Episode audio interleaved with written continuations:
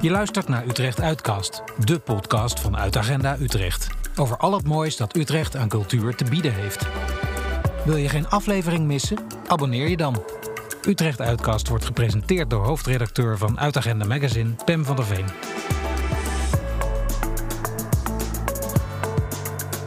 We kennen hem onder meer als de voormalige frontman van de Guideman Orchestra, de Utrechtse rapper Pax the Humanoid. In deze uitcast praten we met hem over zijn nieuwste project, Life Rider. En we wandelen langs de lichtkunstwerken van de tentoonstelling I Light You in het stationsgebied rondom Utrecht Centraal.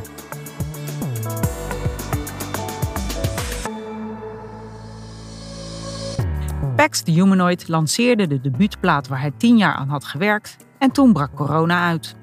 Maar de voormalige voorman van Kiteman's Orchestra kroop niet met zijn hoofd onder de dekens. Hij begon een volgend project, Life Writer, waarin hij via livestreams samen met zijn fans aan een nieuw album werkt. Een gesprek met de Utrechtse rapper over beats bouwen, epilepsie en een bekend probleem voor veel artiesten: shit afmaken.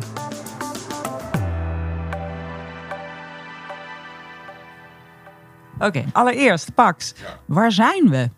Wauw, we zijn op de Kanaalweg. Uh, het nummer ontschiet me eventjes. We zijn in een, enorm uh, anti-kraak studio complex.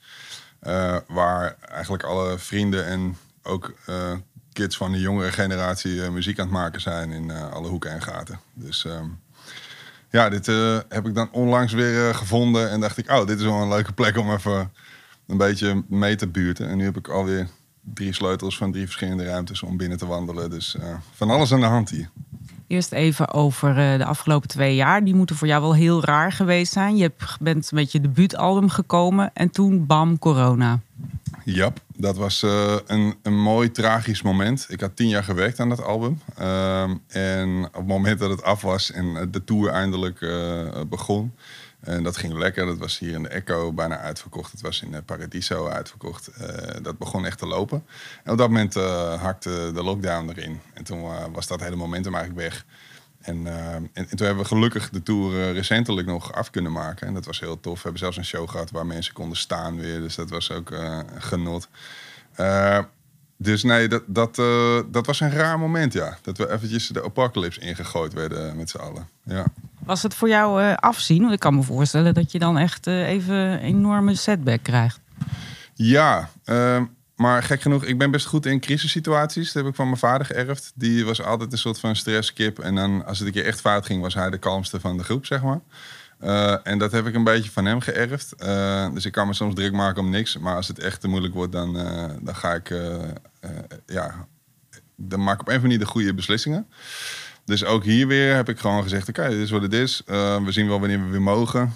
ik ga alvast bouwen aan de volgende. En dus ik heb eigenlijk wat ik nu meteen na de laatste show heb kunnen inzetten voor het volgende album. Dat heb ik allemaal voorbereid in de afgelopen twee jaar. En ik heb zelfs ook nog weer in, in onderwijs nieuwe methoden zitten ontwikkelen. En eigenlijk twee dagen nadat die lockdown inging, die, uh, die soort van min of meer geïmproviseerd bedacht. En dat hitte als een bom. Dus toen ben ik helemaal volgeboekt die hele lockdown om allemaal projecten te doen overal. Dus ik, ik heb het drukker dan ooit eigenlijk. Wat hitte als een bom? Nou, um, ik, ben, ik heb een samenwerking met ATKA in Amsterdam. Dat is... Um, de, de, wat vroeger de Kleinkunstacademie was. Dus daar doen ze muziek en theater. En uh, ik had die samenwerking staan een dag nadat de lockdown inging. en ik dacht al van, oh, ik kan daar natuurlijk niet heen. En toen belde ik met degene die mij daar had geboekt. Van joh, kunnen, we dit, kunnen we dit niet door laten gaan op afstand dan? En uh, zij zei, ja, please doe dat. Want wij zitten met onze handen in het haar wat betreft hoe we dit onderwijs moeten gaan doen, opeens op afstand. En ik had zoiets, oké, nice. Ik ga gewoon in een, uh, in een sessie uh, online, in een, in een Zoom-session. En, uh, en, ik, en ik zie wel wat ik doe, maar improvisatie heb ik altijd gekund als, als rapper, zeg maar.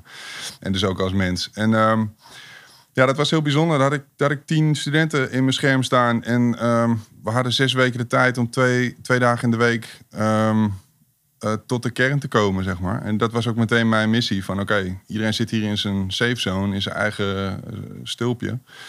Um, wat, wat kunnen we daarmee? Da, daar, daar zitten voordelen aan. Ehm, en iedereen had natuurlijk zijn eigen studiootje thuis. Iedereen eh, zat daar veilig. Dus ik kon eigenlijk gewoon een soort van project on the fly bedenken... waar iedereen zijn eigen ding kon gaan doen. En ik zocht een manier om tot de kern te komen van, van die mensen. Want ik merkte wel van holy shit, er zit heel veel talent hier. Je hebt heel veel uh, gruwelijke stemmen. Je hebt heel veel uh, muzikaliteit. Um, dus toen ben ik een manier gaan bedenken om, om hun verhalen naar boven te krijgen. Om hun eigen uh, verhaal naar boven te krijgen. Dus dat, dat werd eigenlijk de kernopdracht van het hele project. En daar kwamen zoveel dingen uit. Um, zulke openhartige tirades uh, uh, als antwoord op die opdracht. Dat, dat er geen student in die groep uh, het droog heeft gehouden in, de, in dat blok. En, en dat de muziek die daar vervolgens uitkwam ook voor hun revolutionair was. En dus het kernteam van de opleiding helemaal... Wat is dit nou? En kunnen we jou volboeken voor de rest van de lockdown? Zeg maar. Dus dat hebben ze gedaan. En ja, ik moet gewoon af en toe nee zeggen. Anders kom ik niet meer aan mijn, andere, aan mijn eigen werk toe. Dus nu heb ik uh, zes, uh, zes maanden eventjes rust van dat ding. Maar dat, dat ging heel erg hard. Dus ik heb wel meteen bedacht van oké, met, met de verhalen waar mensen eigenlijk mee zitten... kun je hele mooie dingen maken. En daar, daar heb ik ook Live Writer een beetje op, op, op gebouwd. En dat, dat is dus het project waar ik nu zelf aan sta. Daar wil ik met verhalen van niet alleen hypergetalenteerde mensen... maar eigenlijk iedereen gewoon eens kijken hoe klinkt dat eigenlijk. Ja, what life sounds like is eigenlijk een beetje het motto, hè? Ja, dus um, nou, je hebt natuurlijk nu in, in een wereld waar heel veel wordt gestreamd en gepodcast en weet ik wat allemaal, heb je uh, een betere bereikbaarheid dan ooit. Dus je kunt uh, mensen die luisteren vragen om ook input te geven. En nou, daar, daar leent zich Twitch uh, heel goed voor. Dus daar, daar heb ik twitch.tv slash Humanoid geclaimd. En kan je even uitleggen voor de leek wat Twitch is? Ja, oh ja. Twitch is um, eigenlijk oorspronkelijk een, een platform voor gamers om hun games te spelen. en dan bekeken te worden door fans. Dus je ging er altijd heen om te kijken hoe mensen games speelden. Nou, de... Oh ja, dat onbegrijpelijke fenomeen. Ja, nou, dat wou ik zeggen. Toen ik dat voor het eerst hoorde, dacht ik ook, hè?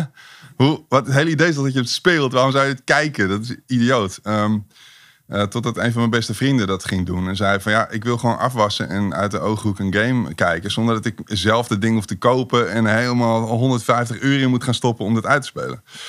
dacht ik, ha. En Twitch is inmiddels uitgegroeid tot iets wat meer is dan alleen games. Dus je hebt daar ook uh, political commentators, je hebt daar ook uh, muzikanten. En uh, ik bedacht van ja, er zit daar een community die heel gewend is om bij te dragen aan aan streamers. Dus op het moment dat er gestreamd wordt, dat die in de comments, in de chat, zoals het daar heet, um, ja, meteen hun input ook geven en hun grappen maken. En, uh, en, en, dan ontstaat er gewoon een hele gemeenschap rondom wat er gaande is. Dus als ik uh, mijn volgende album wil maken op basis van verhalen van mensen, dan is dat soort medium perfect. Dus dan heb ik gedacht, hey, Twitch. Oké, hoe werkt het? Je bent dus een Twitch-kanaal begonnen. Uh, hoe werkt het? Hoe moet ik het voor me zien? Ik heb een schedule uh, waar ik dus maandags om vijf en donderdags om zeven uh, ga beginnen. En dan ben ik live. En dan kun je dus, uh, als je geabonneerd bent en, een, en de notification bell hebt aangedrukt, dan krijg jij op je telefoon gewoon een melding: hey, Pax is live. En dan ga je daarheen met een klik of the button en dan, en dan zie je mij. En dan heb je meteen ook de chat openstaan. En daar kun je dan je, je, eigen verhaal in kwijt. En dan kan ik vervolgens met dat verhaal klanken gaan maken. Heb je al zo'n sessie gehad? Ja, toevallig afgelopen maandag de eerste en uh, morgen de tweede. Uh, dus dat gaat uh, twee keer per week door de komende tijd.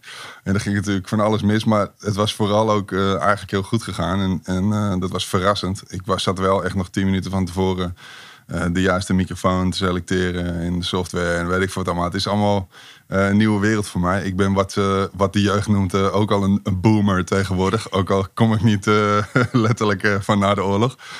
Ja, want je bent immers al 40 plus. Dat wel. Nou, net hoor. 41 is 40 plus is pushing it. 41 is echt gewoon basically de nieuwe 31. Zo. Ja. mm. Hoeveel mensen kwamen er opdagen in je chat?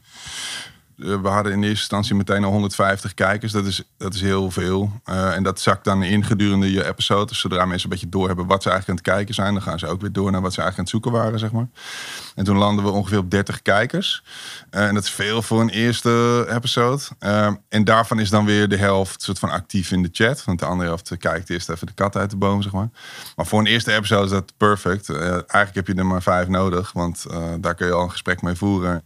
Dus, dus afgelopen maandag was, was er een, uh, een gast, Marco, die, uh, die had het even moeilijk. Die zei dat hij, uh, dat hij momenteel even niet kan werken omdat hij in een depressie zat. Toen dacht ik, nou, dat heb ik veel vaker gehoord de afgelopen twee jaar. Dus dat is een verhaal wat definitely verteld moet worden. En toen uh, is iemand anders die wilde wat agressiefs, want die, uh, die moest echt even stoom afblazen. En er was nog iemand anders die zei: um, van ik ga uh, het land verlaten, on to bigger and better things. en um, ik wil die, wat was zijn woord ook alweer? nou, het was niet bevrijding, maar het was zoiets, weet je wel. Echt een gevoel van van bevrijding erin. Dus dan is er mij de taak van, oké, hoe hoe, ik, hoe kan ik die emoties allemaal soort van mengen in een, uh, in een moment? Uh, dus dat ben ik toen gaan doen. En toen is er een beat uitgekomen met, ja, met een beetje twee verschillende moods. Dus en, en een beetje het moody ding en dan een soort van omkering in een, in een wat warmer bad. Uh, oftewel die reis van het land uit of zo, oftewel de depressie met, met agressie vervolgens de verlossing in. Maar. Dus die, die hele, ik ga meteen een soort van verhalen in mijn hoofd maken op basis van wat mensen voelen. En dat is de, de magie van het idee. Ja, dus iedereen zit te kijken hoe jij ter plekke eigenlijk beats improviseert op hun verhalen. Maar je doet ook dingen met teksten, neem ik aan. Ja, sterker nog, de volgende fase, dit is fase 1, is eigenlijk meer een soort van speed beats. Waar ik dus inderdaad gewoon in, uh, in een korte tijd een beat uit, uit de grond uh, ram op basis van de, de heersende emotie. Maar fase 2 is eigenlijk pas echt live writer, want daar ga ik dus uh, schrijven, lyrics schrijven op basis van die verhalen. En ook daar blijft het abstract, dus het is niet dat ik letterlijk mensen hun verhalen ga citeren. Um, maar ik ga wel onderwerpen behandelen en um, um, misschien wel een soort van optelsom verhaal vertellen van alle verhalen die ik meekrijg. Um, uh, dus dat, dat wordt inderdaad lyrical. Uh, dus dan, dan pak ik zowel, uh, kies ik een beat van alle beats die we hebben gemaakt. Als ik pak gewoon een open notepad en ik zet die beat aan en ik ga gewoon schrijven. En, dus het is echt, je zit er echt bij mij in de studio. Want wat het jou oplevert is, je krijgt input van anderen, dat, wat jou inspireert. Um, je, je schrijft dan eigenlijk over uh, andermans leven ook. Um, beetje flauwe vraag, maar uh, heb je niet meer. Ben je klaar met schrijven over je eigen leven? Goeie vraag. Wow, serieus. Want uh, ik heb mijn debuutalbum gemaakt twee jaar terug. En um, daarin heb ik heel veel van mijn eigen leven gestopt. Maar ja, ook weer niet zoveel dat ik, dat ik überhaupt ooit uitgepraat ga zijn over mijn eigen leven. Um, maar ik denk dat we leven in een individualistische samenleving waar heel veel mensen een soort van main character syndroom hebben. En daarmee wil ik zeggen dat, dat iedereen zich voelt alsof hij het de hoofdpersoon is in het hele verhaal. Uh, dat is een soort van basis narcissisme wat hoort bij de individualistische samenleving. En dat heb je ook echt een beetje nodig om zeg maar je, je markt te maken op de wereld, denk ik. Um, maar tegelijkertijd uh, uh, zie je daarbij snel over het hoofd dat heel veel van de dingen die je meemaakt, heel veel andere mensen ook meemaken.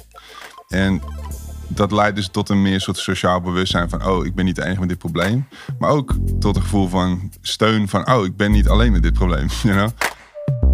Let me give you an occasion to rise to. Imagine someone you care about besides you. Surprisingly, something's wrong with this picture. As a glitch where the eye should be. Windows to the soul of the apple of your eye. Blinded, you wonder why, and it's fucking with your mind. Next thing you know, you're reading Catcher in the Rye. About to check it out on the weather gives a sign. Hey, I wouldn't mind some savings. I'm a sucker for sense. I make it out of every situation. Give it time, give it space, give it whatever it aches for. I'ma keep painting doors to the next great war. What you digging in the crates for? I'ma say this. You should create more. Say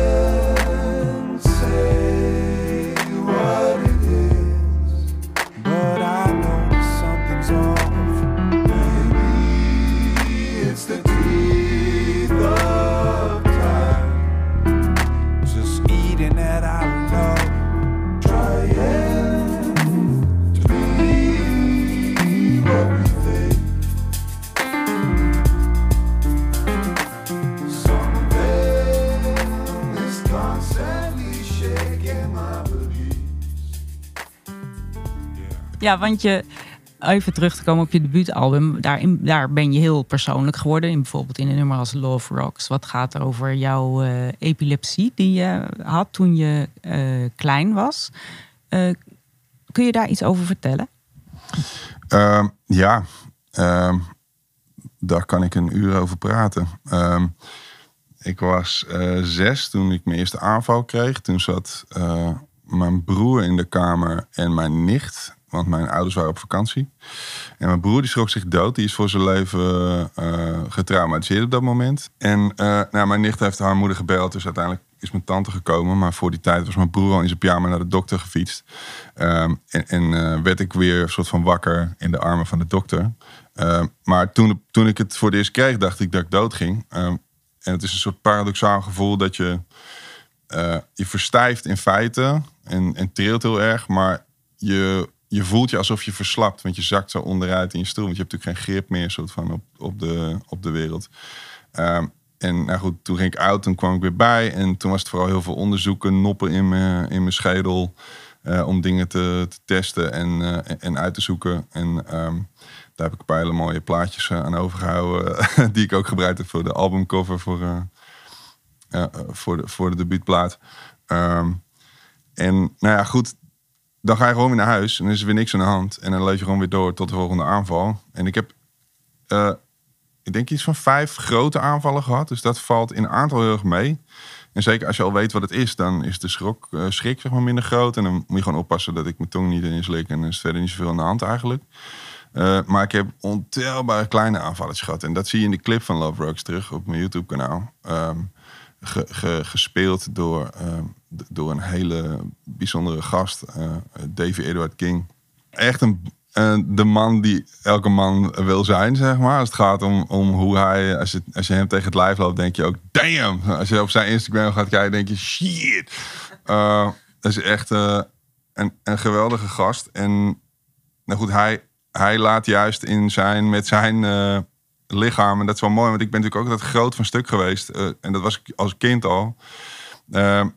Toch heel veel kwetsbaarheid zien. En dat wat ik toen dus ook had. Want eh, ik liep daar met mijn uit de kluit gewassen lijf. En dan ging ik zoveel keer per dag opeens gewoon poep, out. Dus dan, dat is een soort van micro-aanval waar, waar je...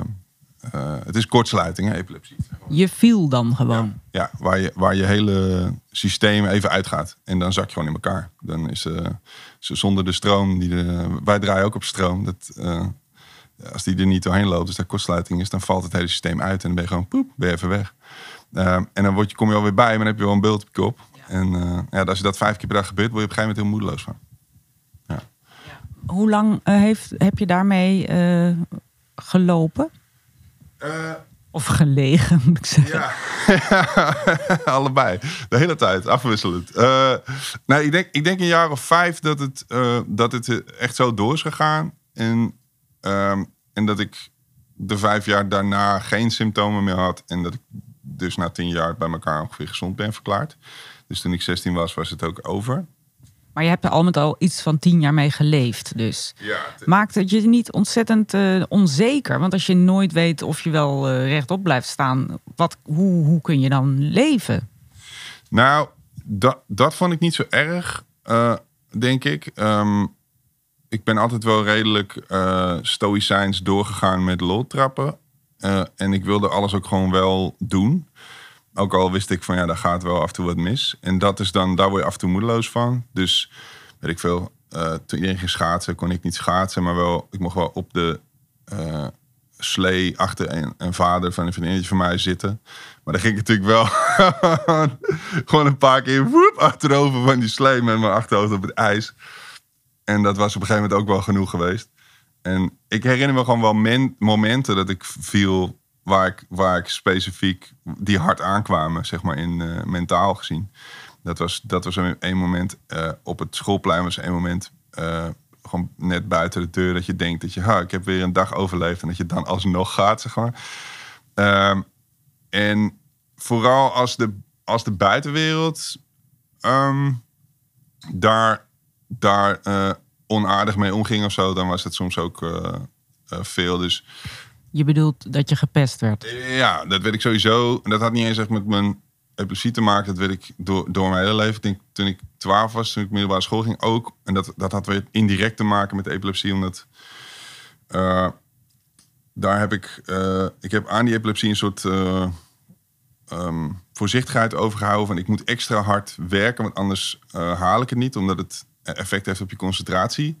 En toen haalde ik ze alleen maar negens en tieners in mijn eerste jaar. Omdat ik zo Dat maakt je niet populair. No. Nee, dus dat was het einde van mijn eh, soort van sociale carrière. Eh, en dat kwam eh, dan na een jaar of twee, drie wel weer terug met een vengeance. Want toen, toen heb ik dus in mijn eentje op de zolderkamer beats zitten bouwen de hele dag. Dat was mijn leven, want ik had gewoon geen vrienden op dat moment. Dus daar heb ik ook alweer heel veel aan gehad. Eh, maar, maar wel op een soort van tragische manier. Ehm, Nee, en, en, en, daarvoor, tijdens dat epilepsie... Mijn moeder vertelde me dat, dat ik dan ging voetballen op het plein... eh, bij de kerk eh, in ons dorp of zo. En dat, ja, dat was dan met mensen die mij niet kenden. Dus die wisten ook niet van die epilepsie. Dus als ik dan uitging, dan moesten die gewoon allemaal heel hard lachen. Van, wat gebeurt hier? Eh, en dat logisch, dat had ik waarschijnlijk ook gedaan dus in hun plaats. Maar voor mij was dat dan devastating, omdat het voor de zoveelste keer was. En ik dacht, ik ga gewoon toch wat doen buiten. En dat ging dan toch niet. En als ik wilde zwemmen, dan moest ik een fucking eh, reddingsvestje aan, zeg maar. Waar al die kids al lang van de dijkplank aan het springen waren. En anders dan eh, was het veel te gevaarlijk en dan verdronk ik gewoon. Dat soort shit, dat blijft je wel bij. Dat was toen wel, wel pijnlijk. Eh, na mijn 16 heb ik het wel goed ingehaald, zeg maar. Toen ben ik eh, met, met vrienden uit de straat en zo wel, eh, die ik inmiddels wel had, ben ik heel veel gaan voetballen. En nou ja, goed, toen, toen begon mijn sociale leven. Dat heb ik een beetje ingehaald eh, met, met feestjes links en rechts. En, Want je was toen genezen. Je bent er gewoon overheen gegroeid in feite. Oké. Goed, ja, dat, dat is de, het geluk als je epilepsie krijgt op jonge leeftijd, dan kan je eruit groeien.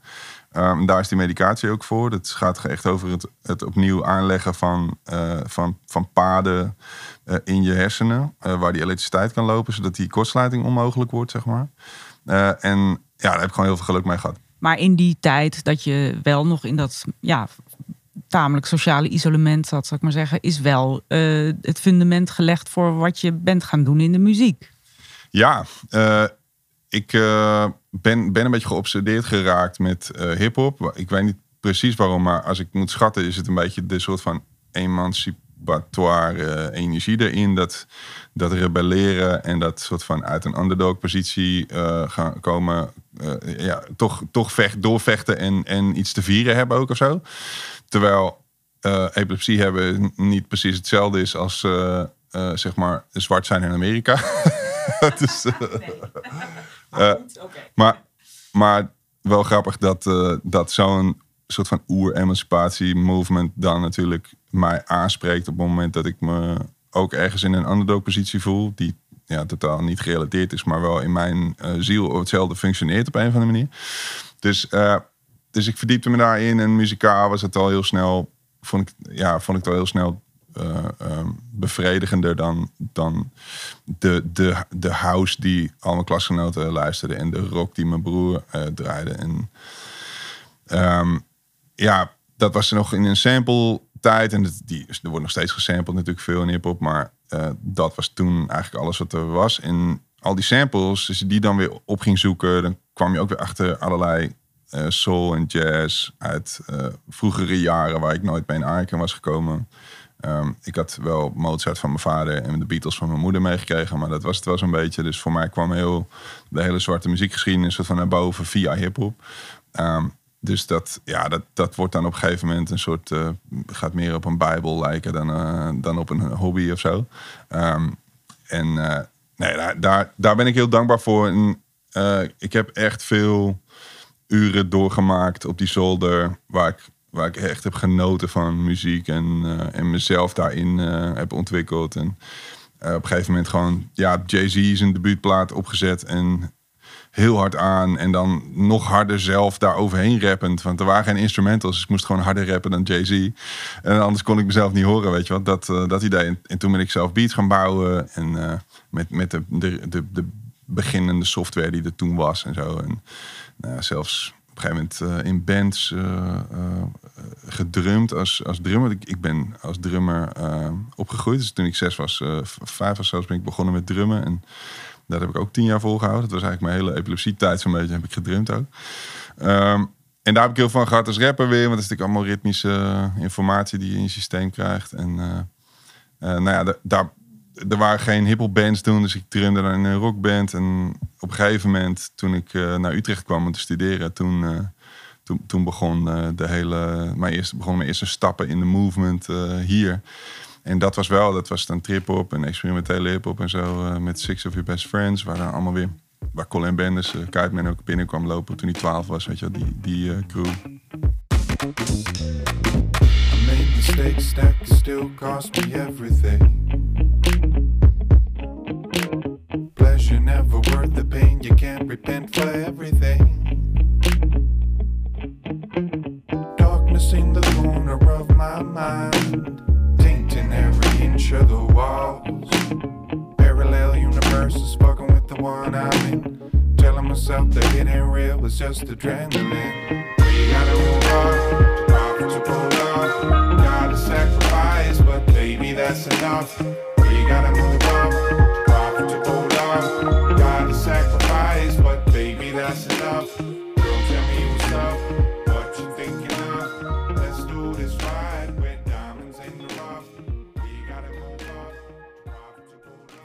Heb ook wel ve- door mijn leven heen veel verschillende invloeden eh, geaccepteerd als, als de waarheid of zo. Dus mijn vader speelde altijd de rondo in D van Mozart. En dat, daar zweer ik bij. Dat vind ik een van de mooiste stukken ooit gemaakt.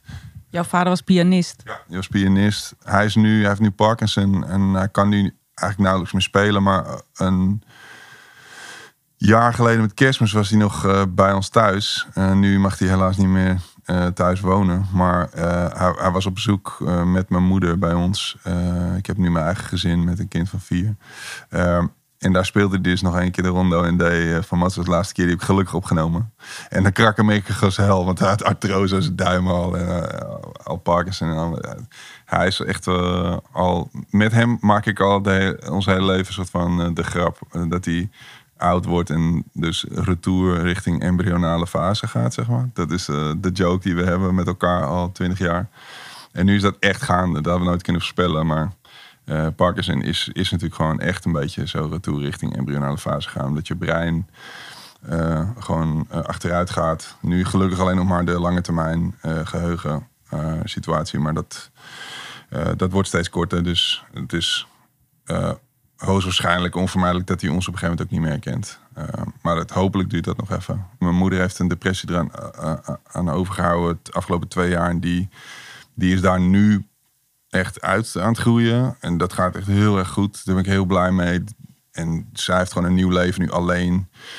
Ehm, en die moet dan weer allemaal weer nieuwe tradities gaan bouwen. En, eh, want dat ging allemaal erg om mijn vader en om hun samen zijn. En nu moet ze dan weer opeens van, oh ja, nieuwe vrienden maken. En allemaal echt een nieuw leven bouwen of zo. Dat is heel eh, pittig. Ehm, eh, maar goed, ze doet dat fucking goed. En mijn broer, die, eh, mijn broer en ik zijn z'n tweeën, dat scheelt ook. En we, we nemen gewoon beurten met onze soort van eh mantelzorg eh, momenten. En, het voelt ook wel lekker om een soort van, als een soort eindelijk volwassen worden om, ehm, om iets terug te kunnen doen voor ze. Omdat zij echt altijd heel erg voor ons zijn geweest. En wij hebben gewoon heel veel aan hun gehad. En ehm, ja, nu kunnen ze wat aan ons hebben, weet je wel. Ja, het voelt wel van oké, eh, I'm finally growing up now. En ik heb eh, ja, ook dit project eh, zelf in de stijger gezet. Ik ben heel erg een team guy. Dus bijvoorbeeld met Kite Man was het gewoon ging om Kite. En die nam ook heel veel van de organisatorische verantwoordelijkheid. En zijn vader enzovoort. Dus dat was voor ons ook echt een eh, gespreid bedje. En ook al heb ik in de beginfase wel mee meegebouwd aan, aan het grootste, grote idee. En ben ik natuurlijk heel erg de soort van eh hip-hop eh, helft van het project eh, geweest. En heb ik al mijn vrienden gebeld om daarbij ons dingen te doen. Ehm, heb ik ook tegelijkertijd daar heel. ja, no- nooit zeg maar, de car hoeven duwen of trekken, want die ging gewoon. Right? Maar dit is echt, dit project wat je nu aan het doen bent, Live Writer, is, kom, komt echt helemaal uit jouw hoofd, is jouw ding. Ja, dat wou ik zeggen. Daar wilde ik inderdaad naartoe. Dit is echt eh, mijn eigen schuld. Het blijft er natuurlijk wel het aspect van ehm, het afmaken. Want ik zie ook, zag ook dat eh, er zijn een aantal fases in de, in de live writer. Eerst de, de beats, dan de lyrics. Fase 3. Help mij met het moeilijkste van artiest zijn: shit afmaken. ja, klopt. Is dat voor jou een ding? Eh, ja, volgens mij is dat voor elke, elke artiest een ding. Eh, dingen afmaken is het allermoeilijkst. Ehm, dat is omdat je, je bent creatief, dus je maakt uit het niks dingen. En je kunt met elke track eeuwig creatief blijven. Zeg maar. dus, dus het kan altijd beter. Ik vind het dus heel vet om...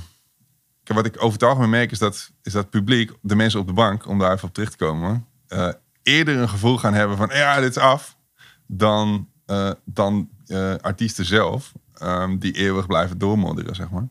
En de waarheid zit waarschijnlijk ergens in het midden. Eh, maar ik vind het heel prettig om nu dus veel meer invloed van buiten te hebben tijdens het maakproces. Ehm, ten opzichte van de soort van zolderkamer eh, creatieve processen die ik tot nu toe altijd heb meegemaakt. Marktgebaseerd muziek maken zou ik, zou ik nooit doen als het gaat om eh, scoren en dan kijken, oeh, dit werkt, laten we daar nog 10.000 van doen. Maar muziek maken niet alleen, maar met je community, raad ik iedereen aan. Ik denk dat dat eh, een soort van beautiful middenweg is. Waarbij je misschien wel in een keiharde niche terechtkomt, omdat jouw community gewoon nuts is. En that's perfectly fine. Ja. Je ziet het als een samenwerkingsproject met je fans eigenlijk. Ja, dat is het. Ze zijn mijn label, basically. Ja. Ja, that's it. That's it. En kijk, eh, ik vraag hun om input gewoon om hun gevoel, om hun vibe. Het is net als iemand je kamer inloopt met een depressie en die wil gewoon even zijn ei kwijt en je kan luisteren en je, je kan geluid geven aan die gevoelens en dan help je diegene eh, ergens mee en, en hij helpt jou ergens mee, want jij maakt een weerspiegeling van een echte wereld en dat, is, dat maakt jouw muziek relevant. Oké, als mensen willen meewerken aan dit project, eh, hoe moeten ze dat doen? Eh, dan allereerst naar twitch.tv slash Humanoid. Daar eh, eh, even subscriben. Nee, dat zeg ik niet goed. Followen. En even dat notification belletje aandoen. Want dan krijgen ze dus een, een message als ik live ga. En dan kunnen ze erin springen in de chat en dingen roepen.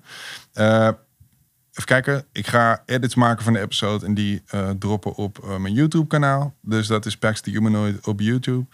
Ehm, en daar kunnen ze in de comments dus ook input geven. die lees ik dan ook. En die kan ik dan tijdens de live shows ook bijvoorbeeld even, even opzoeken en eh, iets mee doen.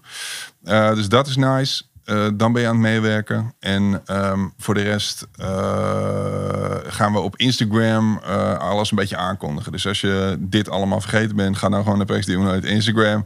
En hou dat een beetje in de gaten. En dan komt er af en toe een story langs waar ik alles nog een keertje dunnetjes over doe voor je. No problem. En wie weet wordt jouw leven als, eh, als, als fan van PAX dan wel eh, een grote inspiratiebron voor het volgende album. Hell yeah. Ja, dan eh, ga je, ga je jouw verhaal wellicht terug horen op de plaats straks. Ja, ik hoop het. Ik ben, ik ben zelf ook heel benieuwd. We zijn net begonnen. I have no idea if this is gonna work. En de ene dag is mooi, de andere dag is trash. Ik hoop ook dat ik genoeg faal, want falen is fucking leerzaam.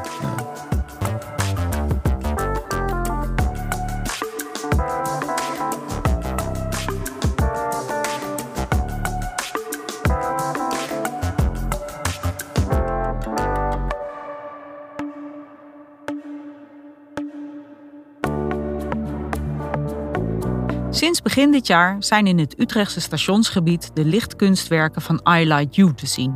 Een samenwerking met onder andere het Centraal Museum. Te midden van de hectiek zorgen de werken voor een shotje inspiratie, reflectie en rust. We wandelen er langs met mede-organisator Ingmar Kreutzburg.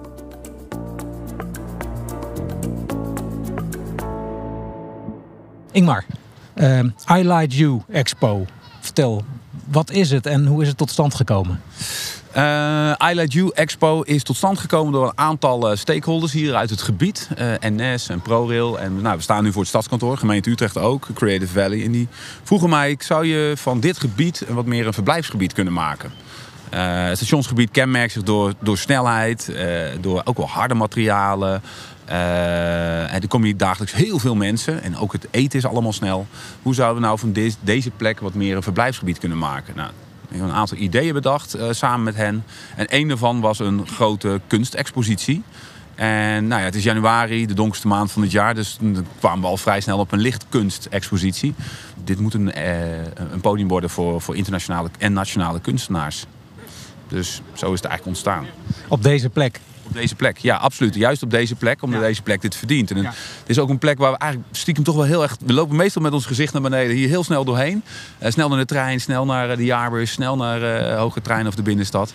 Maar het is ook wel een plek om even omhoog te kijken, even stil te staan. En dit is natuurlijk wel echt waanzinnig wat wij als Utrecht hier hebben neergezet de afgelopen nou ja, 10, 15 jaar. En wat er nog gaat komen, want er komen nog heel veel gebouwen bij. Alleen het is wel 15 jaar geleden bedacht, 20 jaar geleden bedacht. Dus je merkt ook dat de tijd wel ja, eigenlijk de boel een beetje heeft ingehaald. En dat een aantal dingen, bijvoorbeeld kunst, ik wil niet zeggen vergeten zijn, maar ja, de, in die tijd dachten we er anders over dan dat we nu denken. Een moment van reflectie, een moment van rust. eh, hoe belangrijk het is in de stressvolle omgeving.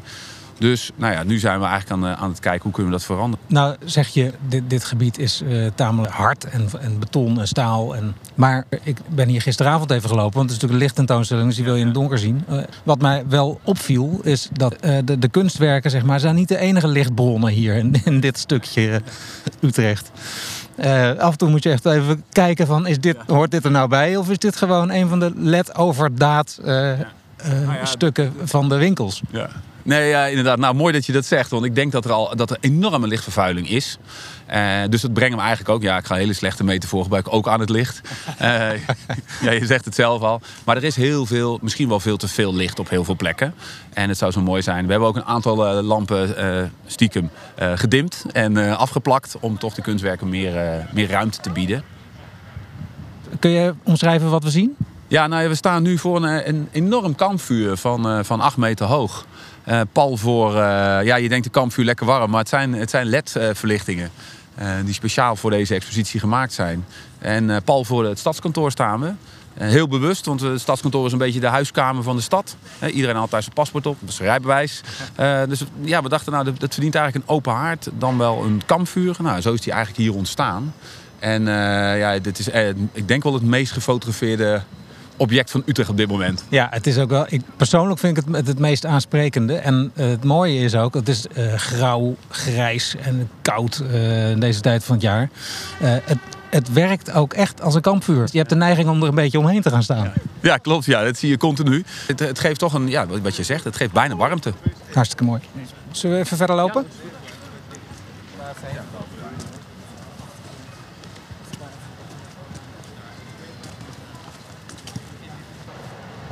Eh, we zijn ondertussen doorgelopen naar het stationsplein. We staan onder het bolle dak.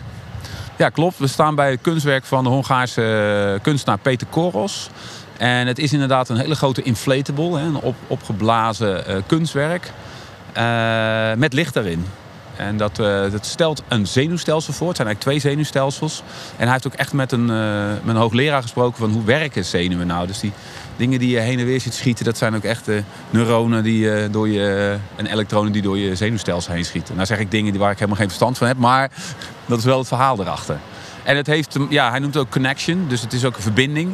En dat is ook deze plek. Hier ga je allerlei verbindingen aan met, eh, met elkaar, eh, met je omgeving, maar ook de fysieke verbinding van het, van het spoor.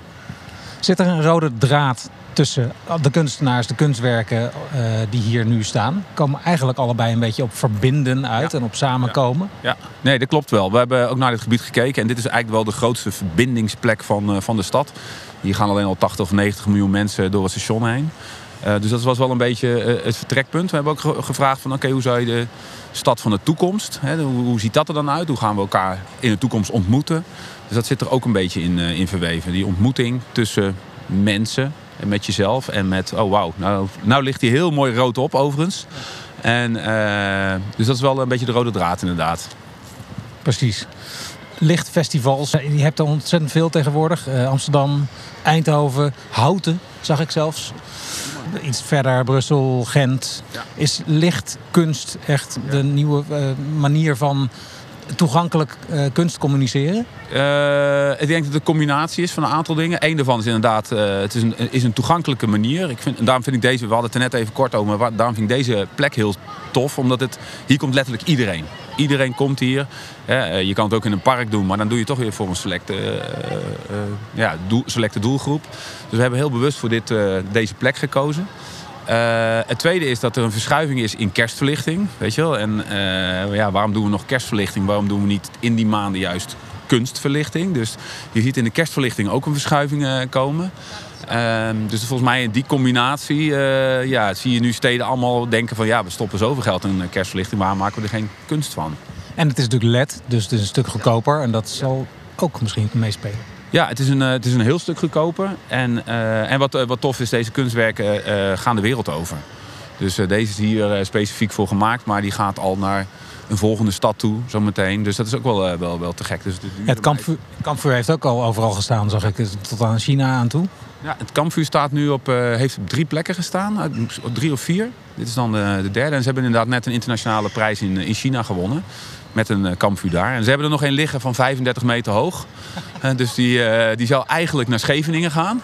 In plaats van, van het hele grote... Oh ja, dat wat hebben ze daar op het strand? Al een, een enorm pelletvuur. En dan zouden ze die doen. Maar dit gaat niet door helaas. We hadden het net over het kampvuur.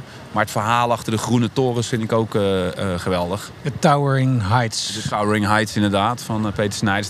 Die, ja, die, die, die, die torens, die, die- we missen groen. Ze zijn gotisch. Hij is zelf een architect. Dat is de sterkste vorm in, eh, in, de, in de bouw. Eh, dus die gotische bogen. Dus dat is, eh, ja, we lopen er even heen. En hij reikt naar de hemel. Het is een gebouw, dus het, het toont ook de ambitie. En dit gebied is, nou ja, staat bol van ambitie. Als je ziet hoeveel aandacht hierin gestoken wordt en zo. Dus het verhaal erachter vind ik wel heel erg passend bij, eh, bij dit gebied. Ja, en dat het oude architectonische vormen heeft, slaat misschien nog ook wel weer terug op dit hele moderne gebied. Ja. Maar wel een, een ontzettend oude stad. Ja, dat is inderdaad. Want het, eh, er staan er twee. Hè. Aan weerszijden staat er één. Ja. En eh, ja, de torens kenmerkten natuurlijk altijd de, de entree van de stad of de uitgang. Dus dat is ook wel weer een leuke vraag. Van, is dit nou entree of juist de exit van de stad? Eh, maar het, het, het geeft wel aan van, eh, ja, het, het past bij Utrecht. Het is eh, inderdaad, de, de, an- ik zou zeggen, de entree van de stad.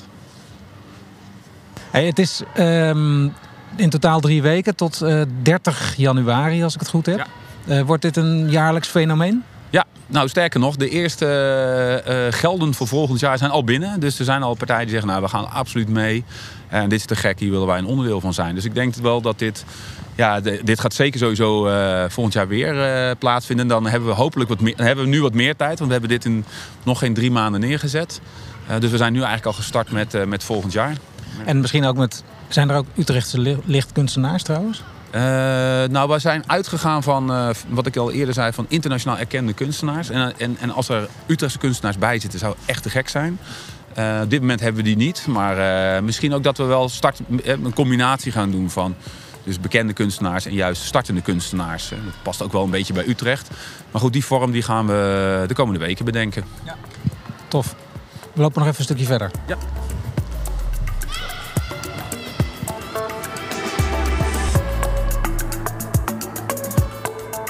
I Like You is nog te zien tot en met 30 januari op verschillende plekken in het stationsgebied. Kijk op ilikeyou.nl.